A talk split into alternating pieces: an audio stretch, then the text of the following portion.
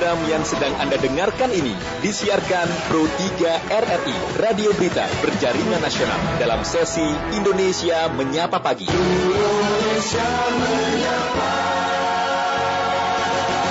Pendengar jelang penghujung 2021, dunia tengah dihebohkan dengan adanya varian baru dari virus corona yakni Omicron. Tidak hanya di luar negeri, varian Omicron terdeteksi begitu ya di Indonesia dan kasus Omikron pertama di tanah air muncul atau terjadi di fasilitas karantina Rumah Sakit Wisma Atlet Jakarta. Dan apa sih sebenarnya yang dimaksudkan dengan Omikron? Kami hadirkan ke ruang dengar Anda di Jumpa saat ini pendengar bersama dengan Departemen Mikrobiologi Klinis ada Dr. Angki Budianti SPMKK yang sudah terhubung dengan kami di Jumpa saat ini. Dokter, selamat pagi, salam sehat. Selamat pagi. Ya, terima kasih dok. Di saat ini sudah hadir di sini untuk kita membahas apa sih sebenarnya yang maksud dengan Omikron itu sendiri, dokter. Oh iya, terima kasih nih dengan Kak Jo ya. Iya, benar sekali dengan saya Jo di sini. Ya. Oke, salam sehat juga ya untuk Kak Jo. Ya. ya, jadi uh, Omikron ini kan memang uh, salah satu varian dari virus SARS-CoV-2 ya. Hmm. Uh, sebetulnya namanya B11529 tapi lebih terkenal dengan sebutan Omikron ya. Yeah. Uh, Omikron ini dia varian yang baru ya Kak. Yeah. Ya. Uh, jadi pertama kali ditemukan di Afrika Selatan pada 23 November kalau nggak salah ya 2021. Uh, cuman pada waktu itu uh, lumayan terjadi peningkatan uh, kasus harian COVID itu di sana cukup banyak ya hmm. uh, dalam waktu yang cepat sehingga di tanggal 26-nya itu kalau tidak salah WHO uh, mencanangkan si Omicron ini sebagai VOC ya, variant of concern. Uh, karena dikhawatirkan uh, VOC ini si Omicron ini memiliki uh, banyak mutasi memang uh, di genomnya ya uh, dibandingkan dengan varian-varian sebelumnya. Kalau yang sebelumnya kan tidak terlalu banyak. Nah kalau Omicron ini sampai sekitar 34 uh, titik mutasi gitu mm -hmm. uh, virusnya sehingga dikhawatirkan bisa uh, berdampak di perilaku virusnya. Misalnya uh, kecepatan penyebarannya, terus mekanisme dia menghindari sistem imun, uh, baik sistem imun dari vaksin atau sistem imun dari infeksi sebelumnya ya. Ya. Itu sehingga dicanangkanlah sebagai VOC gitu. Mm-hmm. Ada banyak ketakutan dari masyarakat semisal bahwa Omikron ini lebih berbahaya dari varian Delta misalnya. Uh, lebih berbahaya, sebetulnya kita masih belum tahu ya kalau uh-huh. untuk uh, seberapa berat penyakit yang ditimbulkan oleh Omikron ini uh, dari yang sudah ada datanya itu sebagian besar sebetulnya ringan uh, gejalanya, tapi pada yang sudah divaksin mm-hmm. uh, data-data yang sudah masuk gitu, uh, data-data penelitiannya. Tapi uh, ada kejadian di Afrika Selatan itu yang memang sampai ada yang dirawat dan masuk ICU itu memang uh, pada pasien-pasien yang dia belum divaksin gitu kak. Mm-hmm. Nah jadi memang masih diperlukan banyak uh, data ya uh, atau laporan-laporan dari penelitian di berbagai negara dan WHO juga sampai saat ini masih menunggu gitu apakah uh, bisa menyebabkan COVID berat gitu dan seberapa besar dibandingkan yang varian-varian sebelumnya seperti itu. Ya, dan uh, sebagai langkah antisipasi masyarakat percaya begitu bahwa dengan Sinovac, AstraZeneca, Moderna misalnya yang sudah melakukan hal tersebut ini ampuhkah begitu atau seperti apa, dok? Ya, jadi karena virus yang varian Omicron ini juga masih baru ya kak, ya. jadi uh, data-data penelitiannya juga masih belum banyak. Uh, ada sih yang terbaru itu uh, dikatakan bahwa uh, beberapa vaksin yang sudah ada itu memang ada mengalami penurunan uh, efektivitas ya terhadap varian yang Omikron ini. Mm-hmm. Uh, tapi memang belum banyak datanya karena kan kita nggak bisa menyimpulkan dari satu atau dua penelitian ya.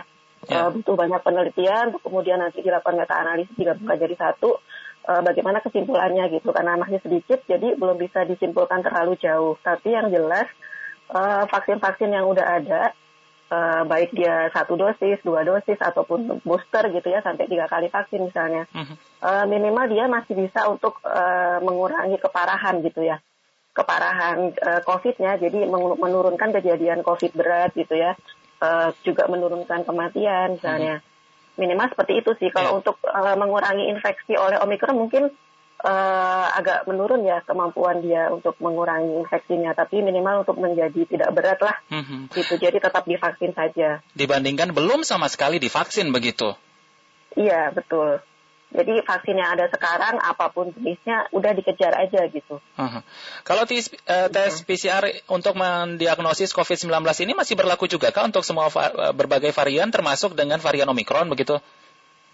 Oh iya masih kak. Hmm. Uh, jadi masyarakat tidak perlu khawatir ya karena uh, pemeriksaan PCR itu kan yang sekarang sudah ada itu digunakan uh, dia mendeteksi gennya itu ada uh, gen N, mm-hmm. kemudian preokapsid ya, kemudian gen envelope atau E, kemudian ada ORF1AB, uh, juga ada RDRP gitu ya yang sekarang udah ada.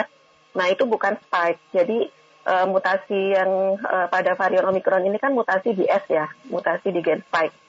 Uh, jadi karena PCR kita tidak mendeteksi gen S, yeah. jadi tidak masalah, tetap bisa terdeteksi uh, apakah dia positif atau enggak gitu ya. Mm-hmm. Uh, jadi ini positif atau enggak nih pasiennya SARS-CoV-2-nya gitu ya. Okay. Uh, tetap bisa mendeteksi walaupun dia Omikron gitu. Cuman untuk memastikan apakah dia benar variannya Omikron atau bukan, nah itu perlu pemeriksaan yang lebih lanjut ya, mm-hmm. disebutnya whole genome sequencing. Oke. Okay. Itu itu tidak semua lab punya sih. Biasanya lab, lab uh, rujukan pemerintah. Paling di Indonesia juga cuma berapa belas, nggak banyak sih. Uh -huh. Oke. Okay. Seperti itu. Untuk langkah-langkah uh, pencegahan penularan virus uh, corona varian Omicron ini sama dengan uh, pencegahan COVID-19 pada umumnya begitu, dok? Jaga jarak, vaksinasi dan lainnya. Iya, uh, sama kak. Jadi uh, karena ini masih virus yang sama ya, sama-sama SARS-CoV-2 uh, semua mekanisme pencegahan penularan untuk SARS-CoV-2 baik varian yang pertama sampai varian sekarang itu sama sama persis gitu ya. Jadi uh, vaksinasi, kemudian pemakai masker, jaga jarak, uh, mengurangi apa kerumunan ya, menjauhi kerumunan, uh, lalu mengurangi di ruang tertutup atau kalaupun di ruang tertutup harus memperbaiki sirkulasi misalnya uh, ventilasinya harus bagus, uh, itu tetap harus dijalankan. Karena uh, ya itu tadi vaksin saja tidak cukup gitu ya. Justru uh, prokesnya itu yang harus diperketat gitu. Karena kita masih belum tahu nih kemampuan hmm. vaksin terhadap uh, omikron ini seperti apa. Uh, ada juga sih penelitian yang terbaru itu mengatakan bahwa uh, kalau nggak salah kombinasi antara uh, Pfizer sama AstraZeneca itu uh, lumayan bagus ya uh, untuk melindungi Omikron, tapi itu hanya dari satu penelitian, jadi kita masih perlu banyak penelitian lain lagi ya untuk menambahkan referensi uh, itu ya seperti itu. Nah, tapi kalau yang masing-masing vaksin sendiri-sendiri itu tadi saya katakan ya uh, sudah terlihat ada penurunan walaupun itu juga baru dari satu penelitian gitu kita nggak yeah. bisa langsung percaya. Oke. Okay. Uh, tapi yang prokesnya itu dia tetap harus ketat uh, karena ya karena menularnya lewat kontak dan uh, airborne. Ya. Yeah. Gitu aja ya dengan prokesnya itu. Oke. Okay. Nah dok kalau dari gejalanya sama begitu atau lebih berat lagi ini untuk uh, Omikron? Ya, kalau gejala kan tadi ya mm-hmm. sempat ditanyakan sebelumnya yang berbahaya yeah. atau tidak. Okay. Uh, kalau Omikron uh, dari yang sudah uh, data yang sudah ada, yang dari yang pasien yang sudah divaksin itu ya uh, gejalanya sih rata-rata ringan, jadi ringan. seperti uh, lemah gitu ya, uh, gejala saluran nafasnya uh, seperti pilek gitu atau batuk tapi ringan. Oke, dokter kita buka ya penelpon bagi kita untuk ya. uh, bersama di saat ini yang mungkin ingin bergabung dengan kami dan pergerakan kami nantikan anda di 0213523172, 0213844545, 0213866712. Ada penelpon kita dari Jogja, Pak Miftah. Pak Miftah, selamat pagi. Halo, selamat pagi, Bung Enjing dari Jogja. Ini sudah mendung, dokter. Selamat pagi, nggih. Salam sehat. Ya, salam eh, sehat. Kembali, Pak Miftah. Silakan Pak Miftah. Eh, gini dok, jadi saya ada sedikit ulet-ulet di ini. Mm. Jadi kan sekarang ini kan udah udah banyak yang ikut vaksin dengan kesadaran sendiri. Jadi tapi gini kesadaran mereka itu karena faktor gini. Jadi mereka tuh menginginkan kartunya. Yang dibeban, yang jadi beban gini. Jadi ketika mereka mereka vaksin, mereka ikut vaksin, mengharapkan kartu. Jadi mereka mensiasati gini. Jadi ketika mau berangkat vaksin, mereka tuh minum kayak itu, kayak degan dan lain-lainnya. Nah, air degan sendiri itu kalau digabungkan dengan vaksin tuh jadinya jadi gimana ya? Eh, kan tujuannya kan gini, mereka mengharapkan kartu, tapi di lain sisi mereka tuh nggak mau vaksin. Jadi, dari gimana ya? Kalau sebelum vaksin itu minum air degan itu bisa jadi tawar nggak gitu ya? Mm-hmm. Itu mohon pencerahan ya dokter ya. Kalau soal uh, Omikron ini ada yang ingin ditanyakan lagi begitu Pak Miftah? Eh, uh, kayaknya tidak. Jadi gini, uh-huh. mungkin uh, kamu saya ya lebih lebih ganas daripada itu yang yang delta ya. Lebih ganas. Uh. Uh, gini, udah lebih ganas dari delta kan. Uh, soalnya kan pengalaman dari dari negara lain kayaknya gitu gitu. Uh-huh. Mungkin ini secara saja itu. Oke, okay. terima kasih Pak sudah. bergabung di saat ini. Dan uh, dok itu yang disampaikan begitu. Ada banyak masyarakat begitu ya. Beberapa mungkin di antaranya ketika mau vaksin sebelumnya ada ramuan-ramuan khusus dulu diminum gitu. Ini iya. bagaimana? Ya. agar itu tujuannya untuk apa ya kak? Katanya supaya lebih kuat vaksinnya lebih bagus biar tidak sakit oh. gitu. Karena mungkin takut reaksi setelah divaksin. Demam lah inilah gitu misalnya Oh iya, kalau sepengetahuan saya sih tidak ada hubungannya ya kak uh. antara misalnya minum air degan gitu ya uh. atau air kelapa muda uh, dengan uh, kekuatan apa ya uh, sebelum divaksin gitu ya. Uh. Uh, jadi nanti efek sampingnya jadi nggak ada gitu. Uh. Uh, sepanjang yang saya ketahui sih tidak ada tidak terkait gitu yeah. Ya. uh, antara meminum suplemen atau apa ya. Uh, yang penting dipastikan pada saat mau divaksin itu kondisinya sehat gitu ya. Kemudian kalau ada efek samping, uh, selama efek sampingnya masih ringan, ya diatasi sesuai dengan gejalanya. Misalnya kalau demam ya minum paracetamol gitu ya, misalnya. Uh, atau misalnya kalau sedang apa pegel-pegel atau gimana ya, uh, mungkin bisa dioles-oleskan gitu ya di di sekitar uh, yang bagian yang setelah disuntik misalnya ya, dengan uh, apa minyak kayu putih lah atau apa gitu ya. Yang penting jangan kena bagian suntikannya gitu ya supaya mengurangi pegal. Uh, seperti itu saja sih mungkin kalau untuk uh, gejala. Tapi kalau efek sampingnya itu berat, misalnya ya harus ke rumah sakit atau ke tempat tadi uh, dilakukan vaksinasi lagi gitu ya. Ya, beberapa uh, masyarakat sempat berkata seperti juga Pak Miftah tadi bahwa ini lebih ganas, ini seakan-akan lebih menakutkan dibandingkan Delta atau varian lainnya begitu, dokter. Ya, jadi kalau masalah ganasnya itu uh, memang lebih ke arah ini ya kecepatan penyebarannya atau kecepatan penularannya. Jadi karena dia ada mutasi di titik N501Y ya, uh, itu dia uh, terbukti meningkatkan potensi penularan gitu. Jadi uh, dia lebih cepat uh, mungkin sekitar berapa puluh kali gitu ya dibandingkan yang delta. Kita tahu delta aja udah cepat sekali gitu ya menyebarnya.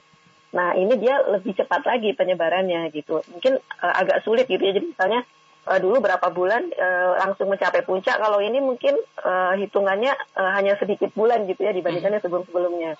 Gitu. Jadi karena kecepatan penyebarannya inilah yang dikhawatirkan sama uh, WHO gitu ya uh, bisa menyebabkan uh, apa ya kewalahan layanan kesehatan gitu karena hmm. uh, di antara yang gejalanya ringan kan uh, pasti akan ada itu ya orang-orang yang dia misalnya uh, dengan komorbid yang berat gitu ya hmm. atau pasien dengan uh, kondisi imun yang sangat rendah seperti pasien-pasien kanker yang sedang dalam pengobatan pasien pasien-pasien lain yang memang kondisi seperti pasien HIV gitu ya yeah. yang kondisi imunnya sangat rendah itu maka akan sangat mudah sekali hmm. tertular gitu kalau uh, tidak segera dilakukan pengetatan. Makanya okay. seperti sekarang kan pemerintah di bandara juga sangat ketat ya. Uh-huh. Uh, benar-benar uh, apa karantinanya itu diperpanjang lagi. Tadinya kan hanya tiga hari kemudian sekarang diperpanjang lagi jadi 10 hari lagi gitu. Mm-hmm. Uh, jadi kembali seperti pada waktu Delta dulu karena pemerintah takut kecolongan juga. Sekarang aja udah ada tiga orang kan ya yang sudah uh, terdeteksi Omikron gitu. Mm-hmm. Uh, satu yang bekerja apa klinik service ya di Wisma Atlet, kemudian ada dua orang tuh yang uh, habis perjalanan dari Amerika Selatan sama satu lagi dari mana saya lupa. Mm-hmm itu jadi sudah ada tiga orang jadi takutnya nyebar makin banyak karena memang sangat cepat penyebarannya yeah. pada yang varian ini dan tadi kemampuan dia untuk uh, menghilang atau uh, ngumpet gitu ya bersembunyi dari sistem imun okay. itu yang dikhawatirkan seperti itu. Apa yang harus kita lakukan begitu dok hingga kita bisa sehat karena semua kita tidak mungkin ingin sampai di sini yang namanya tertular omikron itu sendiri. Saran Anda dok kepada kita semua pendengar RRI? Ya, saran saya kembali seperti tadi ya, Mas. Mm -hmm. yeah. Ya. uh, jadi yang pertama vaksin, uh, yang belum vaksin silahkan segera untuk mencari uh, tempat uh, dilakukan vaksinasi ya. Uh, mohon untuk bisa melakukan dua dosis vaksinasi. Nggak uh, usah takut-takut gitu ya. Memang kalau memang tidak ada kontraindikasi, uh, kalaupun ada komorbid, konsultasi kepada dokter yang merawat ya, yang sebelumnya biasa merawat. Uh, lalu yang kedua, perketat prokes gitu. Jadi uh, yang tadi ya mulai dari memakai masker. Jadi jangan merasa sudah aman. Memang kondisi Indonesia saat ini sudah lumayan ya yeah. dibandingkan pada bulan Juni sampai Agustus waktu itu ya jadi sudah bisa bepergian gitu kan uh, sudah bisa jalan-jalan sudah bisa uh, uh, melakukan acara-acara seperti pernikahan misalnya, tapi ya tetap harus prokes gitu. Jadi maskernya jangan lupa dipakai gitu. Nggak usah takut karena semua orang sudah paham gitu ya. Yeah. Ya. Uh, kalaupun kita pakai masker, nggak akan ada orang yang ini orang aneh banget sih pakai masker. Nggak akan ada yang begitu lagi gitu. Oh, okay. Karena hampir semua orang sudah tahu. Terus Siap. dia jaga jarak, jauhi kerumunan dan sebagainya. Baik, terima kasih dokter sudah bersama dengan kami di saat ini. Semoga kita semuanya tetap sehat adanya. Salam sehat dokter. Ya, salam sehat kembali Kak. Iya. Sama-sama. Pendengar ya, kita bersama dengan Departemen Mikrobiologi Klinis ada Dokter Angki Budianti SPMK yang sudah hadir ke ruang dengar Anda berbicara tentang apa itu Omikron dalam sajian ke ruang dengar Anda di jumpa saat ini. Tetap bersama dengan kami pendengar di Indonesia Menyapa Pagi.